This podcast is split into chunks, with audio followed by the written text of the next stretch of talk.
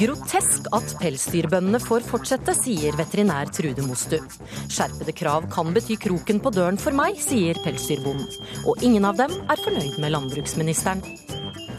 Gutter har godt av å slå seg litt, men ødelegges av beskyttelsessamfunnet, sier Alex Rosén. Tull og tøys, svarer barnepsykolog Magne Raundalen, som er skikkelig sint på Rosén. Og 50 år med oljeboring feiret med middag i Oslo rådhus. Men Trine Skei Grande prioriterte kinopremiere med Greenpeace. Vi feirer i og for seg det oljen har gitt oss hver eneste dag i Norge med den velferden vi har fått. Velkommen til ukeslutt. Mitt navn er Åsa Vartdal, og vi skal også til Oslo Spektrum, der spente små artister gjør seg klare til årets Melodi Grand Prix Junior. Men først. Forbud mot å ha flere mink av samme kjønn i samme bur. Mer stimulerende leker og bedre tilpasset fôr er blant tiltakene landbruksminister Jan Georg Dale kom med da han i går la fram stortingsmeldingen om pelsdyrnæringen. Men verken dyrevernerne eller pelsdyrbøndene jubler. Og Britt Unni Storile, du er pelsdyrbonde og holder akkurat nå på med fôringen av de 7000 minkene du har på gården din i Ringsaker. Eh, hvor mange, eh, hvor mange dyr har du i hvert bur nå? Eh, jeg har alltid fra to til fire. Eh, mest tre i buret. Men eh, å gå ned til to, to i hvert bur, hva, hva, vil det ha å si for deg? Hva vil det og de andre påleggene ha å si for deg?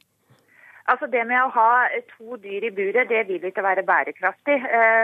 Og det landbruksministeren sier, etter min mening, det er at han strekker fram høyrehånda si og sier at kjære pelsdyrfarmere, vi skal ha en bærekraftig utvikling av næringa. Eh, og så strekker han fram venstrehånda si, og så sier han men vi skal gjøre det litt vanskelig for dere. Men hvor mye vanskeligere blir det? Kan man, kan man bare bygge noen flere bur, så får dyrene det kanskje bedre? Ja, Det er klart en kan bygge noen flere bur, men det er ikke det det er snakk om her. Her er det snakk om å utnytte det vi har. Eh, jeg har for min egen del bygd et hus som er basert på 1800 eh, tisper. Og det er klart at når jeg må halvere Eh, mer enn halvere den, eh, den besetninga, så blir det ikke lønnsomt for meg. Og det er det det er snakk om. Men du sier, du sier, at dette kan bli kroken på døra for deg. Er det så dramatisk? Ja, det er det. For det blir ikke økonomi i det.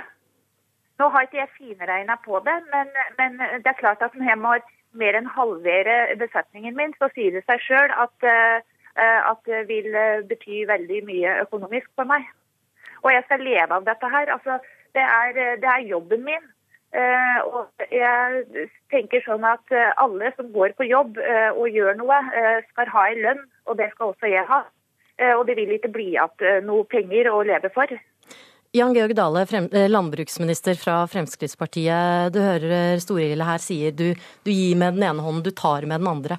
Er det meningen å gjøre det så vanskelig for pelsdyrbøndene at de til slutt bare må legge ned selv? Nei.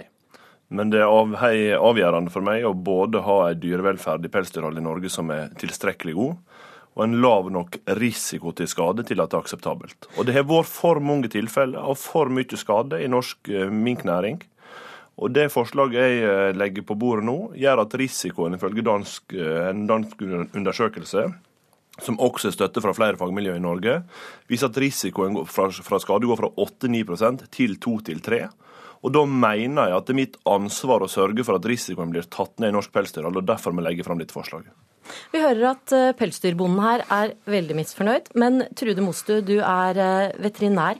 Du er også veldig misfornøyd med forslagene fra landbruksministeren her. Hvorfor det?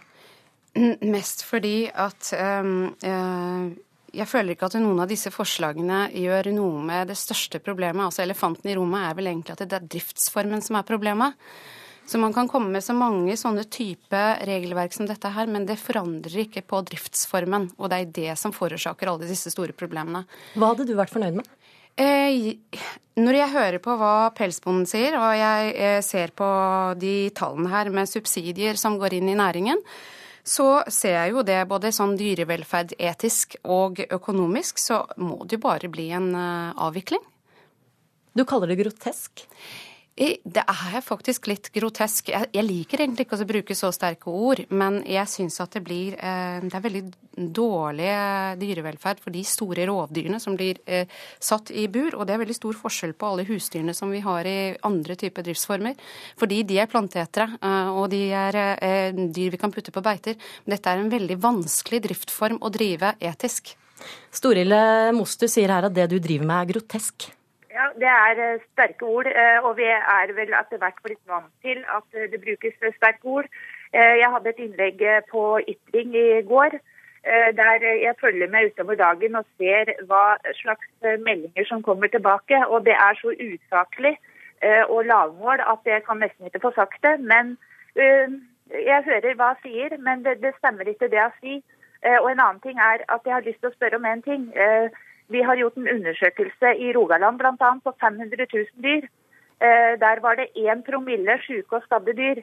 Eh, og jeg lurer på hvilken annen eh, besetning, altså husdyrbesetning, kan du finne et tall? Altså I alle besetninger så vil det være syke og skadde dyr. Og er det det som er meninga, at vi skal ha syke og skadde dyr i, i, i næringa, så, så kan vi like godt legge ned. Vi har syke og skadde dyr. Det har vært mye stygge skader å se i media.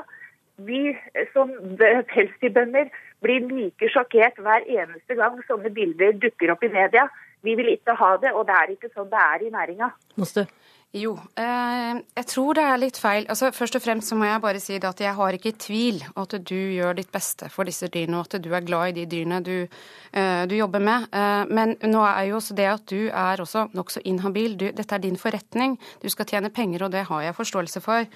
Eh, men eh, tilbake til dette med skadelige dyr. Jeg tror nødvendigvis ikke det er en god pekepinn om dyrene har, har det bra eller ikke. Ja, vi kan sette ett, et dyr i hvert bur og eh, kanskje ikke se noe skade på skinnet, men det betyr ikke at det dyret nødvendigvis har det bra likevel.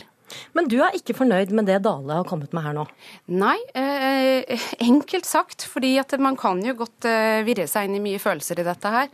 Fordi driftsformen er den samme. Å holde så såpass store rovdyr med behov for å jakte og streife i så eh, små bur, eh, det, det, er ikke forenlig med god eh, dyrevelferd. Og det er jo det alle de faglige instansene sier. Så mitt spørsmål til statsråden er hvorfor hører dere ikke på de som har peiling på det? Dale. Det gjør vi. Men det høres jo ut når Trude Møsto sier at vi putter rovdyr i bur, som at disse dyra henta i skogen i går og satt inn i norske pelsdyrfarmer. Det er jo farfetch, det som er tilfellet. Altså, det var avla systematisk av norske pelsdyrbønder i nesten 100 år på eh, disse dyra, som gjør at de er mye tammere enn de ville eh, slektningene sine. Men så er det da sånn at det er jo ikke et entydig fagmiljø som sier at driftsformen er vanskelig. Det, det er vel både Veterinærtilsynet og Mattilsynet? Veterinærinstituttet og Mattilsynet. Mm. Mattilsynet sier at bl.a.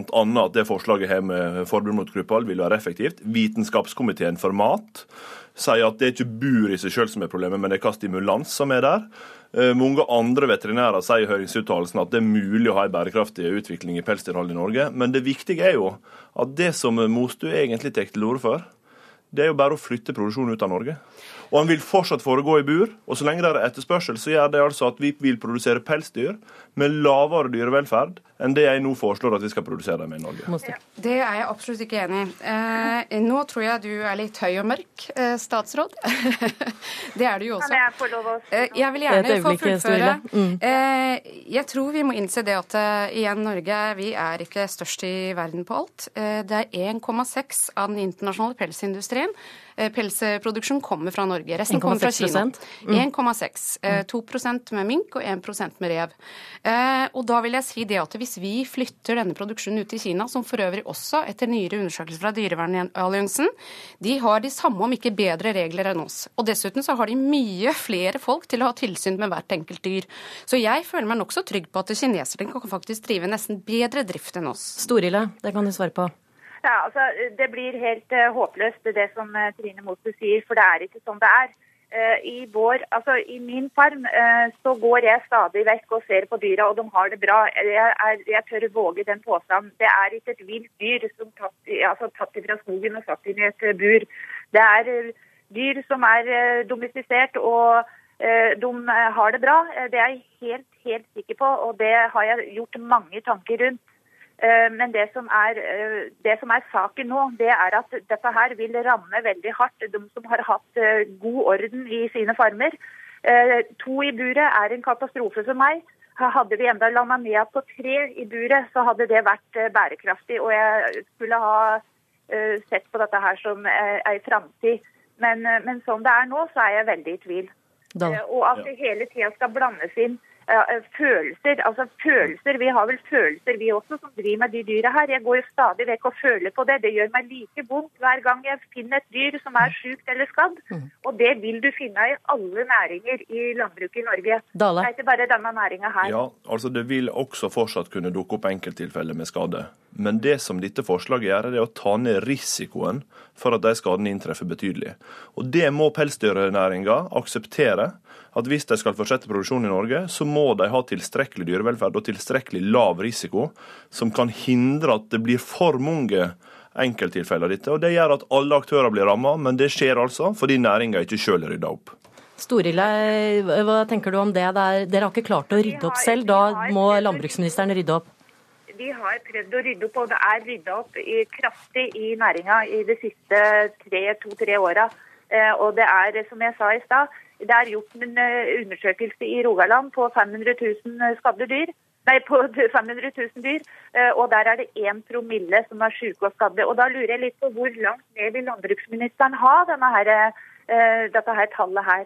Moste, vi, vi hører hun sier det er ganske lave tall. Dette her svartmaler dere hele denne Nei, men altså, nå, næringen. nå, eh, nå eh, føler jeg at det er digresjon fra selve hovedpoenget. Vi snakker om skader, jeg sa tidligere det. Og jeg ser, altså, Det er igjen dette her med å høre på fagpersonene. Drar vi på sykehus og hører på kirurgen eller ikke? Det er vi, vi faktisk fagfolkene som vet mest om disse dyrene og deres behov. Og hvis dere skal høre på våre råd, så er det unison stemning og mening om at disse dyrene klarer ikke å eh, ha eh, et godt liv i denne driftsformen som vi har. Og jeg, jeg eh, kan jeg bare få også få eh, si det at jeg har full sympati for dere pelsbønder, og at det er, dette er litt tøft for dere, men dere er 0,05% av Norges populasjon. Og hvis vi er demokrati, og hvis vi tenker på hva dere egentlig drar inn av den nasjonale bruttoinntekten, så er det marginalt. Dette er en liten, marginal næringsvirksomhet. Og jeg syns ikke vi kan forsvare den dårlige dyrevelferden med det lille det tilfører Norge. Nå er det da altså opp til Stortinget å ta den endelige avgjørelsen om pelsdyrnæringens framtid. Takk til dere, landbruksminister Jan Georg Dale, veterinær Trude Mostu og pelsdyrbonde eh, Britt Unni Storile. Gutter må få være gutter og tåle å slå seg litt. Det skriver Alex Rosén i Den store gutteboka. Han mener beskyttelsessamfunnet ødelegger guttene litt, og har med det hisset på seg en kjent barnepsykolog. Vi skal la de store guttene få diskutere dette snart, men først skal vi høre hva de små i klatrestativet har å si om det å slå seg. Kan dere huske den gangen dere slo dere aller mest? Ja, Når var det? I går slo meg og fikk sår. Fikk blod og fikk et plaster. Men hvorfor slo du deg, da? Fordi jeg falt av sykkelen. Hvis man får blodet ut, da kan kroppen kan, Hvis man får mye blod ut, da kan man kanskje dø. En gang så dunka jeg nesa mi i den sklien der var tolv. Og en gang når jeg dansa og hadde disko hjemme, så slo jeg nesa i gulvet. Vi burde ikke slå oss. Nesten bare stå stille. Stå stille hele tiden? Ja. Er ikke det litt kjedelig? Ja? Ja det, er På en måte hvis man ikke skal slå seg, så er det best å ikke løpe og klatre og hoppe så mye. Som vi barn elsker. Jeg synes det er ganske kjedelig når de bestemmer så mye. Nei, ikke over der. Nei, ikke hopp der. Nei, ikke løp så fort. Alex Rosén, hvorfor er det så viktig at gutter slår seg litt mer enn eh, det de gjør i dag? Eh, det dreier seg kanskje ikke om å slå seg mer, men det dreier seg om å ta litt mer sjanser. da. Være litt eh, levende, leve livet, oppleve ting. Og hvis du slår deg litt, så er det jo veldig vanlig å ha det litt vondt også. Ikke alt er helt perfekt. og da, Hvis du slår deg litt, så må du kunne klare å tåle det, og ikke gråte. Og ikke lage masse leven, men bare dra på videre. Så blir du litt tøffere. Men hvorfor er det bra? Hva er det man lærer av å slå seg? Hvorfor, hvorfor er det bra å ha det vondt? Man lærer å få litt motgang, og få litt stamina, litt sånn stayerevne sånn at man blir stående litt i stormen. Og hvis du har lært å slå deg litt, og, og lært liksom å takle smerte litt, da, så vil det være lettere for deg å f.eks. trøste andre og få andre til å være bedre til å, å ta den helt ut. da. Hvis du skal f.eks. på speiderleir og du har med deg masse barn, så kan de som har slått seg før, og de som har kjent på blodsmak i munnen og sånn, de kan hjelpe de andre. Så du blir ofte en veldig bra ledertype hvis du har slått deg litt mer tror jeg, da. Men barn slår seg jo litt mindre nå enn de gjorde før. Vi har jo mer polstring. Det er ikke, det er ikke, så, det er ikke så, lett å, å, slå seg, og vi som foreldre passer på at det er mykt underlag og airbags og riktig barneseter. Er det dumt at vi ja, passer på barna våre på den måten? Som foreldre så er vi jo overnervøse. Vi har jo vi, vi, vi, vi, henter barna hver dag på skolen, vi følger med dem hele tiden. Og hvis de ikke har kommet hjem, så lurer vi på hvor de er. Jeg husker da jeg var liten, så var vi jo ute til det ble middag. Og ingen som lurte på hvor vi var. Skulle vi på fotballtrening, så gikk vi alene. Skulle vi uh, gjøre ting, da, så gjorde du veldig mye helt alene, og du gjennomførte det. Og jeg tror at uh, Selvfølgelig skal man som forelder alltid følge med, men uh, barna har litt godt av, tror jeg, å å, å, ta utfordringer og gjøre ting litt ut ifra hva de selv tenker. Og også da ha egne meninger og kunne gjøre avgjørelser tidligere, da, hvis de tør. Mm. Magne Raundalen, du er barnepsykolog. Du er med oss med i, eh, fra studio i Bergen. Du skriver i en kronikk i Aftenposten denne uken at du har sett på Alex Rosén som en herlig blomst, ja, men nå har han skuffet deg. Du er sint på ham. Hvorfor er du så sint? Jeg er eh, rett og slett skikkelig sint på han, og det er at en så intelligent mann som eh, Alex har blitt lurt av oppslagene, de populære oppslagene, slik at han går ut. Og jeg reagerte helt spesifikt på Dagbladet-reklamen for den nye boka hans, som jeg absolutt absolutt vil lese. Og det jeg hører nå, det kunne jeg jo ikke gå i taket av i det hele tatt. Men det er når han angriper det han kaller hele beskyttelsessamfunnet og så bruker han uttrykk som at det ødelegger guttene. Da har han blitt lurt av disse oppslagene som er så populære. Han Har vært i alle de store magasinene. Gullungen i VG, Monsterforeldre i Dagens Nyheter, Curlingforeldre, Panikkgenerasjon, Bomullsgenerasjon, pakker Men er alt dette feil? Er alt dette feil? Har vi, har vi ikke et beskyttelsessamfunn som, som kanskje overbeskytter barna? Vi har et beskyttelsessamfunn, men han skildrer ikke mellom det å de nyanseringene som kanskje kommer fram nå, og det å angripe selve barnebeskyttelsen. Og det er da jeg minner om, i all anstendighetens navn, at da mine barn var små i 1972, så døde 101 barn i trafikken, og i fjor var det én. Det var én for mye, men vi nærmer oss nullvisjon, og etter krigen så de fire-fem siste årene så har det ikke dødd noen barn inne i bil, og det var første årene etter krigen. Og da må vi jo si, også som faktisk da forskeren Christian Ellingsen kommer ut i avisene nå etter diskusjonen mellom Alex og meg, og det er jeg veldig glad for. Og han sier at uh, dette er uh, beskyttelsessamfunnet er en, uh, det er en suksesshistorie. Det har halvert barnedødeligheten på 20 år. Men Rosanne, er ikke det bra? Jo, men jeg har jo aldri, er du blitt lurt? Nei, jeg har jo aldri pratet om barnedødelighet. Når det gjelder barnedødelighet, så er det veldig bra at den går ned. Jeg tror eh, ikke jeg har noen gang påstått at det er bra at barnedødeligheten går opp. Men det vil den kanskje gjøre hvis barna, du vil at barna skal skade seg litt mer? Nei, ja, ja, det tror jeg ikke. For det jeg tenker på er mer stamina, mer indre styrke. Og egentlig ikke skade seg som man dør. Og selvfølgelig så skal man ha på seg sykkelhjelm, og selvfølgelig så skal man uh, ta og, og Som sjøkaptein da, så er jeg veldig opptatt av å lage preventiver, altså lage løsninger som gjør at man ikke får ulykker. Jeg er jo helt klart for en robust barndom, kanskje veldig på linje med deg. Men hvorfor eh, bruker du uttrykket 'beskyttelsessamfunnet' og, og slutter deg til den derre mafiaen som snakker om beskyttelse og bomullsgenerasjon, og at vi pakker inn i vatt og alt dette her. Men gjør vi ikke det, Raundalen? Vi, har jo iallfall reddet, og vi har jo fortsatt, da den siste tallet jeg sjekket, det var 1,6 milliarder som eh, barneulykker og eh, alle fritidsulykkene kostet oss. Og det får være, det får jo være nok, det. da. Det var da jeg spør Alex om hvilke høyere tall er det han vil ha. da. Eh, for dette beskyttelsessamfunnet som ødelegger. Hvor mye høyere tall må vi ta, ha for at vi får en eh, rimelig balanse i beskyttelsen? Rosén? Ja, det, igjen så går dette litt vekk fra det som er min sak her. da. Og det er det at jeg vil bygge opp eh, folks indre stamina og indre styrke, og ikke begynne også å øke barnedødeligheten. Det kan bare legge fra deg hele barnedødeligheten, for det er ingenting Men hva- det er ingenting, Alex, det er ingenting med det jeg snakker om. Sak. Du går jo rett inn i min sak, som er at vi må beskytte barn. Og du vet jo det at ved, ved, enhver alvorlig ulykke, så, så er det fem-seks liknende ulykker som var ganske alvorlige. Det er jo samme som med masseidretten. Vi har én vinner, men vi, har mange som følger etter. Altså, det er jo 1,6 milliarder til disse ulykkene. Det er bare tenk på at det har vært en voldsom økning av skålding. Du er jo ikke for det.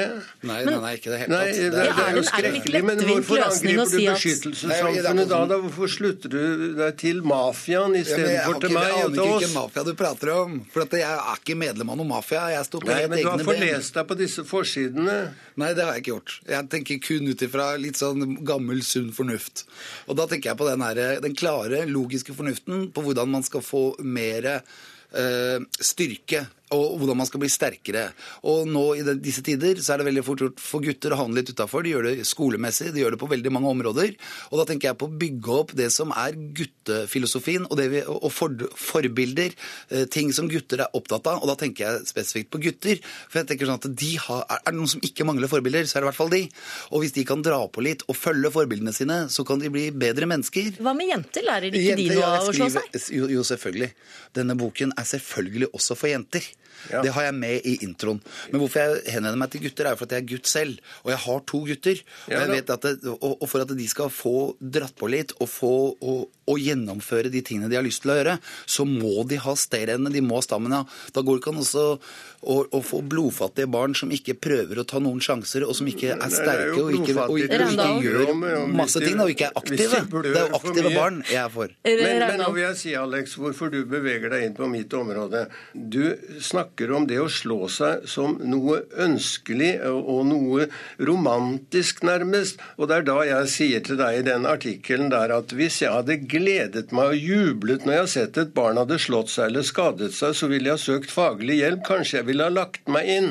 Hvordan ligger du, hvor ligger du i det terrenget der? Da vil jeg si som min russiske trener Aleksandra Kakorina i Skal vi danse. Og det er det at eh, alt du ikke skader deg av, det, eller alt du ikke dauer av, det blir du sterkere av. Det må bli siste ord i den debatten her. Tusen takk skal dere ha, Alex Kjempebra. Rosén, Magne Raundalen. Pass på at dere ikke snubler på vei ut av studio. Denne uken var samfunnstoppene samlet til middag i Oslo rådhus for å feire 50 år med oljeboring. Venstreleder Trine Skei Grande var invitert, men ville heller dra på kino med Greenpeace. Vår reporter Sigurd Fleten inviterte henne like godt ut på middag før filmen.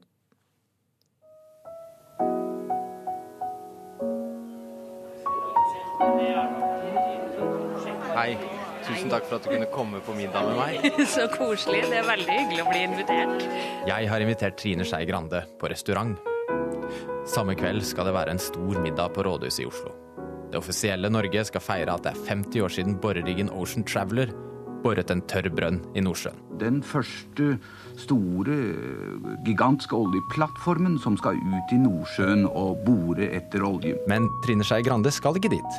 Hun har sagt nei til Erna Solberg sin invitasjon. Hun hadde allerede sagt ja til å se BBCs nye naturfilm sammen med Greenpeace. The Russian wilderness. Immense. Hadde, nok, eh, jeg hadde nok kanskje gjort det på en litt annen måte enn med pomp og prakt og, og fine middager. Det å ha det i rådhuset og konge og alt sånn, og så en invitasjon som kommer like før, det syns jeg var litt pussig. Eh, Jeg syns jo at eh, vi feirer i og for seg det oljen har gitt oss hver eneste dag i Norge med den velferden vi har fått. Det er jo litt pinlig, for det, vi er jo på middag, og det har ikke kommet mat ennå. Ja, men det er nesten som å forhandle med regjeringa. Og selv om Trine Skei Grande ikke skal, har jeg tenkt å finne ut hvordan det er på oljemiddag. Og jeg blir tatt veldig godt imot av vertinnen. Nå skal vi få god mat å spise, og hvis du spør meg som vertinne om jeg kan så mye om menyen, som jeg innrømmer at det kan jeg ikke. Men er hun fornærma for at Trine Skei Grande valgte kino foran henne? Nei, det er ulike måter å understreke sitt politiske poeng på. Men heldigvis er det jo sånn at Venstre har stemt for veldig mange av de olje- og gassutviklingene vi har i, i landet. Og Oljeprisen kan kollapse om ikke oljekartellet OPEC blir enige om å kutte i oljeproduksjonen. Oljeprisen er på kanten av stupet. Klimaet endrer seg pga. oljen vi tar opp. Er dette virkelig noe å feire? jeg syns det er rart at man ikke skal feire en sånn innsats som de folkene som jobber i denne næringen. Den teknologibragdene de har stått for. Og selv om man måtte være uenig i hvordan oljepolitikken skal være fremover, så mener jeg at man må feire den innsatsen som har vært gjort i 50 år. Men hva syns oljeminister Tord Lien om venstrelederens fravær? Nei, Det er jo en helt ærlig sak at eh, Trine ofte takker nei til eh, invitasjoner til offisielle middager eh, i Norge. Det syns jeg er et valg hun selv skal få lov å, å ta. Jeg blir stående i minglesonen blant pynta oljetopper, minister og fagforeningsfolk. Det er påfallende mange godt voksne menn i denne forsamlinga. Trine Eilertsen i Aftenposten kan forklare meg hvorfor. Nei, Det er jo en jubileum, da. Og da er det jo eh, veldig mange av særlig de gamle gutta, for dette er jo litt sånn mannebransje, som møtes for å feire 50 år med oljeboring og milliarder. Og der er sannelig Jonas Gahr Støre og Gro Harlem Brundtland også. Ja, jeg sier med Gro Harlem Brundtland, som jeg akkurat nå har snakket med, at det er altfor mye menn her. Men det forteller jo litt om den tiden nå. Bransjen har vært dominert av menn. I starten var det bare menn, så det er jo mange av de veteranene som var fra, fra starten. En fest for de gamle gutta. Og der kommer æresgjesten også, kongen selv. Alle er på plass. Jeg regner med at det blir minst 50 år til. Og jeg får lov å utbringe en skål for de 50 årene vi har bak oss, og ser fremover til neste. Ja, det så godt og grønt ut. Ja, det er bra. Tilbake på restauranten med Trine Skei Grande. Vi må snakke litt politikk også. Forhandlingene om neste års budsjett er i gang, og Venstre har gått hardt ut i sitt alternative budsjett. Bl.a. for å få en krone mer i dieselavgift. Er du tøff nok til å gå din vei fra regjeringen hvis du ikke får det du vil ha? Jeg tror at regjeringa må gi oss det vi vil ha, for jeg tror at regjeringa har lyst til å være regjering videre også.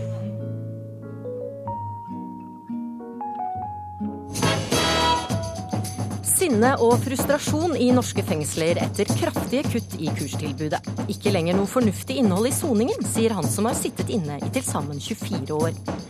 Og tre dager igjen til USA-valget, og fire av fem nordmenn sier de frykter hva som vil skje hvis Trump blir president.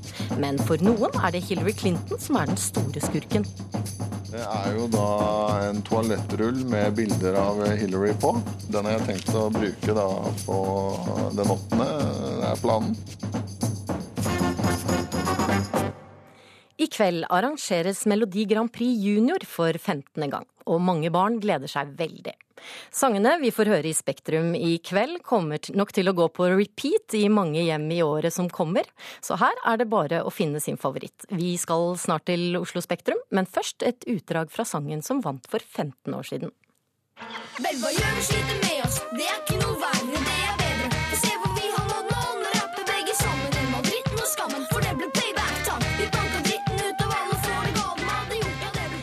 Nicolay Ramm, du vant med denne i første Melodi Grand Prix Junior i 2002. Eh, Tror du at du hadde rukket opp med den i konkurransen i, i år? Oh, det er vanskelig å si. Eh, Jeg er jo fortsatt eh, den dag i dag fornøyd med den låta. Jeg får stadig tilbakemeldinger fra folk som sier at den fortsatt liksom holder vann, at den er, den er artig. Men eh, det er jo mye bra låter i år også, altså, så det er vanskelig å si. Mm. Det er altså 15 år siden du sto på scenen og rappet i Mm. en rød hettegenser. Og nå er du programleder for eh, hele greia. Har du kontroll? Ligger dere greit an før eh, sendingen i kveld? Jeg tror det, altså. Vi har, eh, hadde en gjennomgang i går kveld med alt av lys og lyd og full ståhei, og det, jeg tror det gikk ganske bra. Ja. Så ja, jeg føler meg bra. Jeg, jeg, er ikke sånn, jeg er ikke nervøs, jeg er mer spent og jeg bare gleder meg. Det er en bra følelse. Sammen med deg så sitter Mm. eh, to av deltakerne. Det er Anna Ja. Naustdal og Vilde Gjelle. Og dere skal synge sammen på scenen i, i kveld. Det er ikke så mange timer til. Hvordan er følelsen i magen nå? Anna? Um, vi er veldig spente. Men føles det bra? Veldig. Men hva skal dere synge? Det er- Dere har en sang som heter 'Vestlandet'. Hva handler den om? Uh, den handler vel om at uh, du har alltid ønsket å flytte liksom vekk fra plassen der du bor, men når du gjør det, så har du lyst til å flytte tilbake igjen, på en måte. Og- er det fineste der du bor. Mm, og dere har kommet helt til uh, finalen. Hvordan uh, tror dere at sangen deres uh, blir i forhold til de andre sangene? Um, nei, vi, er, vi føler jo det at vi er på lik linje med alle sammen, da, og at alle er like flinke. Og nå, om noen timer, når, når navnene deres blir ropt opp, og dere skal ut på scenen, hva skal dere gjøre da? Synge. Og Nei um... Vi må iallfall jobbe med å smile litt mer, da. Men Ja. det klarer vi. det høres ut som dere kommer til å klare det veldig bra. Dere får ha lykke til. Og det er altså fem på åtte i kveld at det braker løs på NRK1. I en reportasje om giverglede i ukeslutt sist lørdag kom vi i skade for å si at pastor Jan Hanvold har samlet inn hundrevis av millioner som har gått rett inn i hans eget eiendomsimperium. NRK har ikke dekning for denne ordlyden og beklager dette.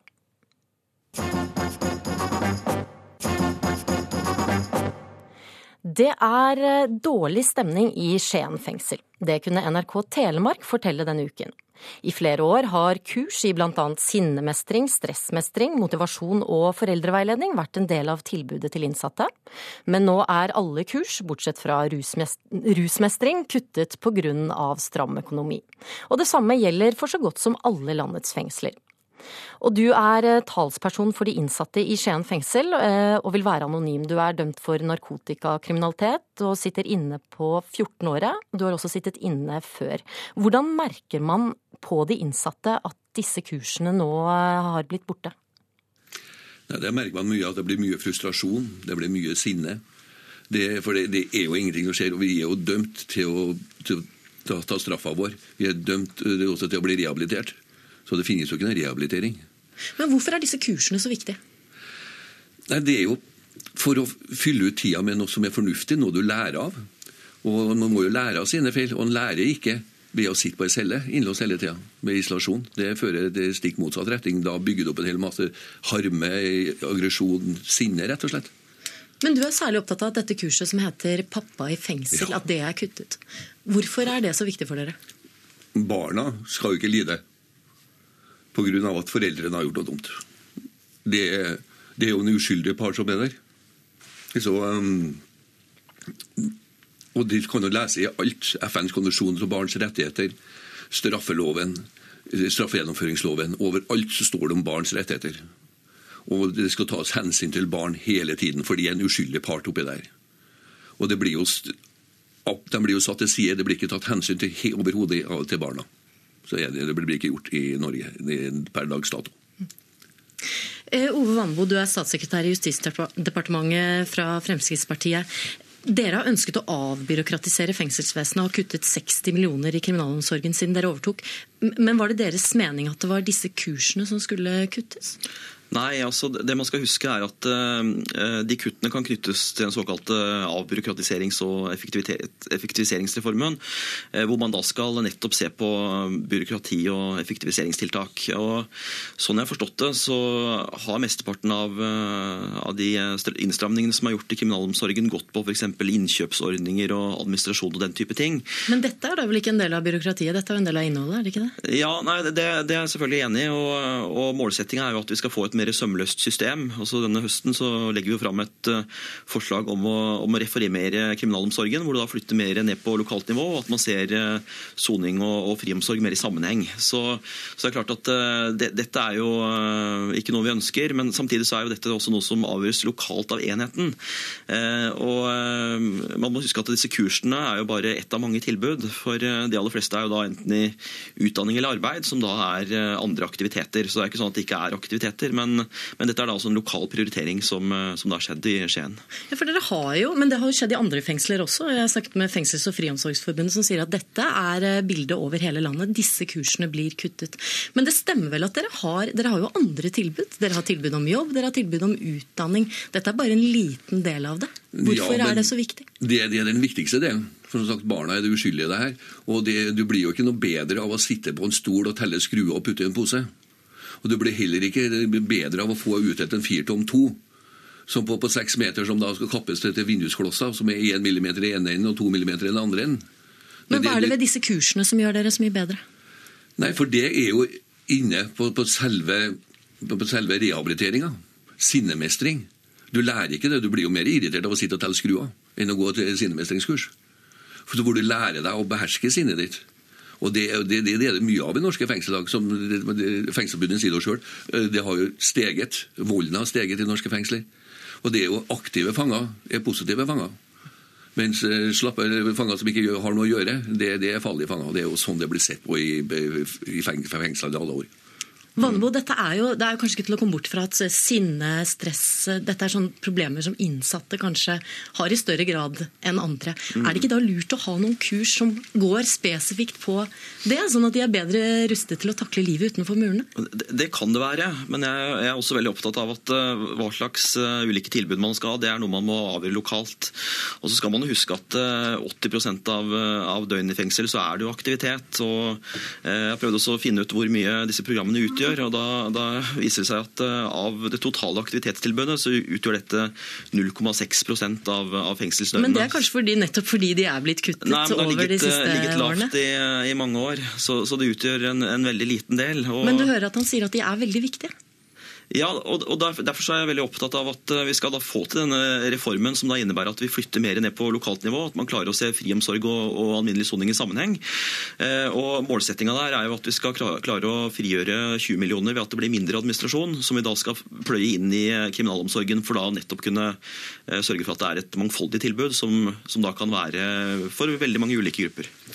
Ja, men så er det jo de endringene som det har blitt gjort fram til nå, det er jo totalt feil. For sånn som Pappa i, pappa i fengsel har ikke vært arrangert i Skien fengsel på, siden på tre og et halvt år.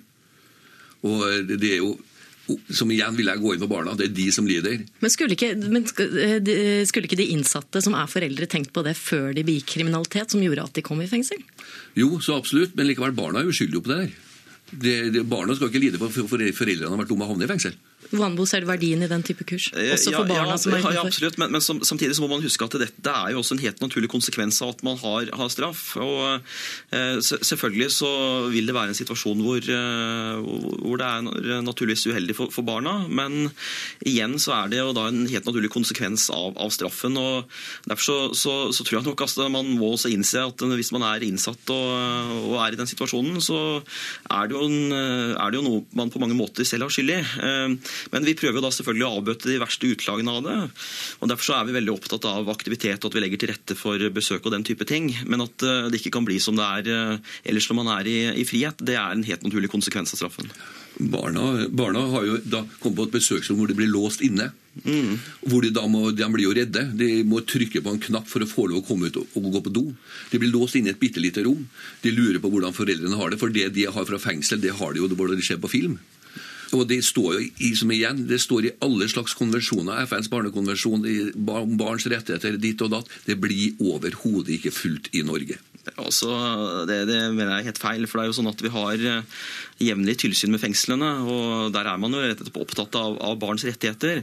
Men eh, så må man også igjen huske at eh, det er en grunn til at vi har disse tiltakene. også Grunnen til at det er f.eks. Uh, ulike sikkerhetsreglement og, og, låser og det som nevnes her, det er jo også for at vi skal hindre at det skjer uh, uh, hendelser hvor personer kan rømme eller utøve overgrep mot, mot de ansatte i kriminalomsorgen.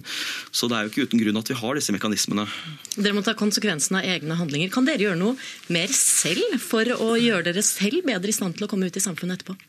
Det kan vi også gjøre. for de Kursene her og alt det der hjelper jo på det der. Men så lenge det blir, blir skåret ned på det, og vi ikke får noe hjelp sagt, ja, hva, skjer, hva, skjer, da?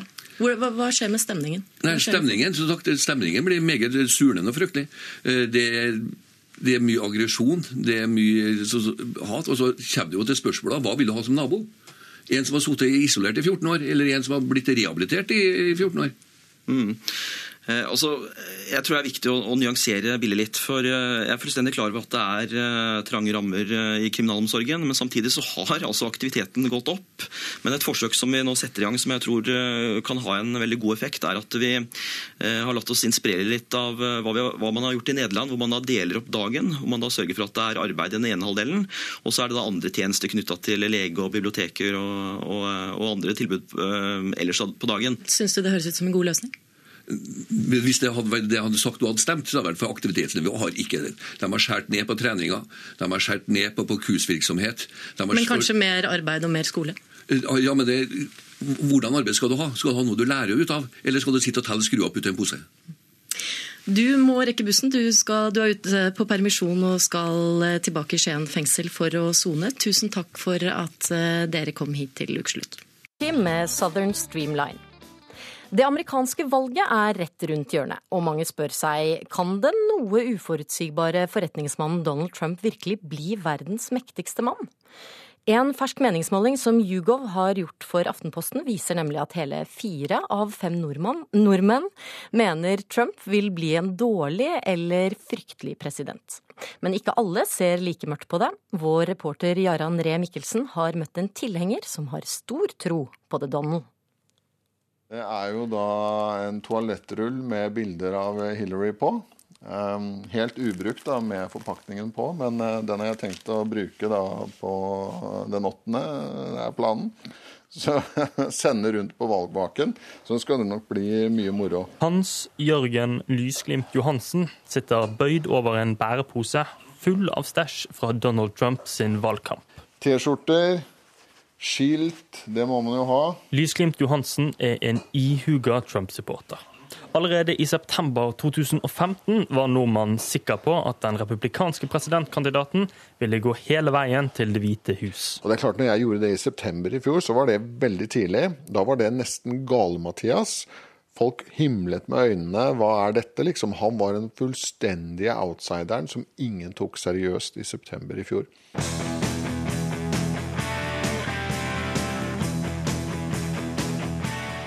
For det var slik det begynte.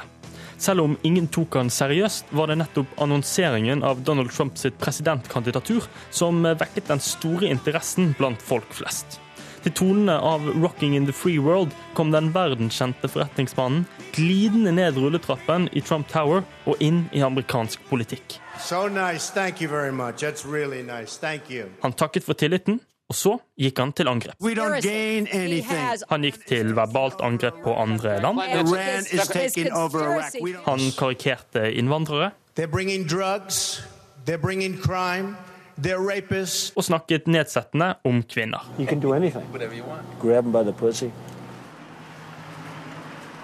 Folk på gata i Oslo er bekymret for en fremtid med president Trump. Eh, det syns jeg er eh, ekstremt skummelt. Nei, jeg tror eh, verden ikke blir så bra sted når eh, han eh, eventuelt skulle vinne. Det er jo helt krise. Det er litt skummelt egentlig, for jeg liker han ikke. Hvis man har litt vett, så må det bli Hillary man bør gå for. da. Hillary og Donald har hatt flere debatter hvor det har gått hett for seg. I en av de avbrøt Trump Clinton ved å kalle hun en ekkel kvinne. Uh,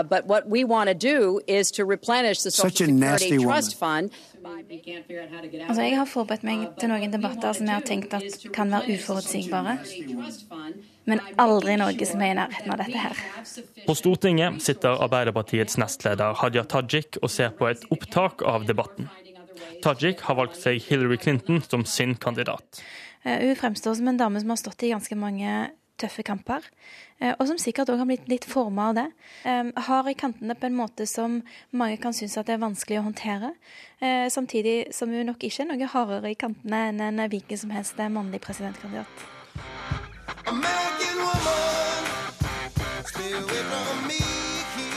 Hun har vist seg å være utrolig tøff i mange krevende situasjoner. At hun har våga å gå for Eh, det viktigste vervet i landet sitt på den måten som hun har gjort, og at hun har klart å stå i så krevende situasjoner og så mange um, urimelige angrep. Chris, to run for the presidency based on what she did with emails and so many other things. Trump-tilhengeren Lysglimt Johansen mener ikke at angrepene på Hillary er urimelige. Jeg tror jo Hillary fortjener å bli tatt veldig hardt. Altså, Det er ikke noe grense for hvor hardt hun fortjener å bli tatt. Så, så det har jeg overhodet ikke noe problem med. Hun har altså gjort grusomme ting. Eh, hun har eh, stått for eh, invasjonen av eh, Libya, f.eks. Det viktigste med Trump er at han avdekker løgner, sier Lysglimt Johansen. Han mener det politiske systemet vi kjenner i dag, er tilpasset politikere som setter taktikk og posisjon fremfor sannhet. Hvis vi nå velger Clinton som president, så vil disse løgnene og det, det, det riggede systemet bare forsterkes i fire eller åtte år til. Og det vil på en måte være Alle vil ha interesse av at systemet skal fortsette slik det har vært lenge. Okay, vi ser fra samme sted, da. En gang. Du kan få se akkurat siste delen. Ta fra den monologen igjen til i et lite rom i NRK sine lokaler legger programleder og musiker Thomas Seltzer siste hånd på verket. Verket er denne gangen en dokumentar om hans egen familie i USA, som skal vises på NRK kvelden før det amerikanske valget. Det var et ganske sterkt møte, med, eller veldig sterkt møte. Fordi eh, de har jo hatt helt andre liv enn det broren min og jeg har hatt. I programmet møter vi den amerikanske fetteren og kusinen til Seltzer. Mens fetteren ønsker seg Clinton som president, vil kusinen ha Trump som øverste leder. Men, men hvis du skal karakterisere liksom en, en Trump-tilhenger, hvilke trekk ville du trukket frem? Desperat. Det er desperasjon. Det er en, et, et, et hverdag som er helt Folk lever helt marginalisert. Det er det man kaller working poor. altså det er 46 millioner amerikanere som lever i fattigdom nå, og det er ikke, det er ikke liksom trygdesnyltere. Seltzer tror mange amerikanere føler at Trump er mer ekte enn den drevne Clinton. Det er jo sørstaten, dette er jo Texas, og det er jo en æreskultur. Og det er jo sånn man sier jo at Trump, eh, faen sånn som han prater til damer, han hadde vært der nå, skulle fått seg midt på trynet. Så det er liksom Men OK, han er seg sjøl, da. Og det er ikke Hillary. Og det at Trump har driti seg ut mye og sånn, det er liksom øh, Ja, men det har jeg òg. Skjønner du? Så det er noe med at man, det er mer, nesten mer altså Trump i all sin craziness er mer identifiserbar enn Hillary, som de mener at hvert eneste ord hun sier, er liksom gjennomgått av et team. Trump-mugg? Kaffekopp? Tilbake hos Hans Jørgen Lysglimt Johansen er vi ennå ikke kommet til bunnen av posen med Trump-effekter. Du snakker om Trump som outsideren, ikke sant?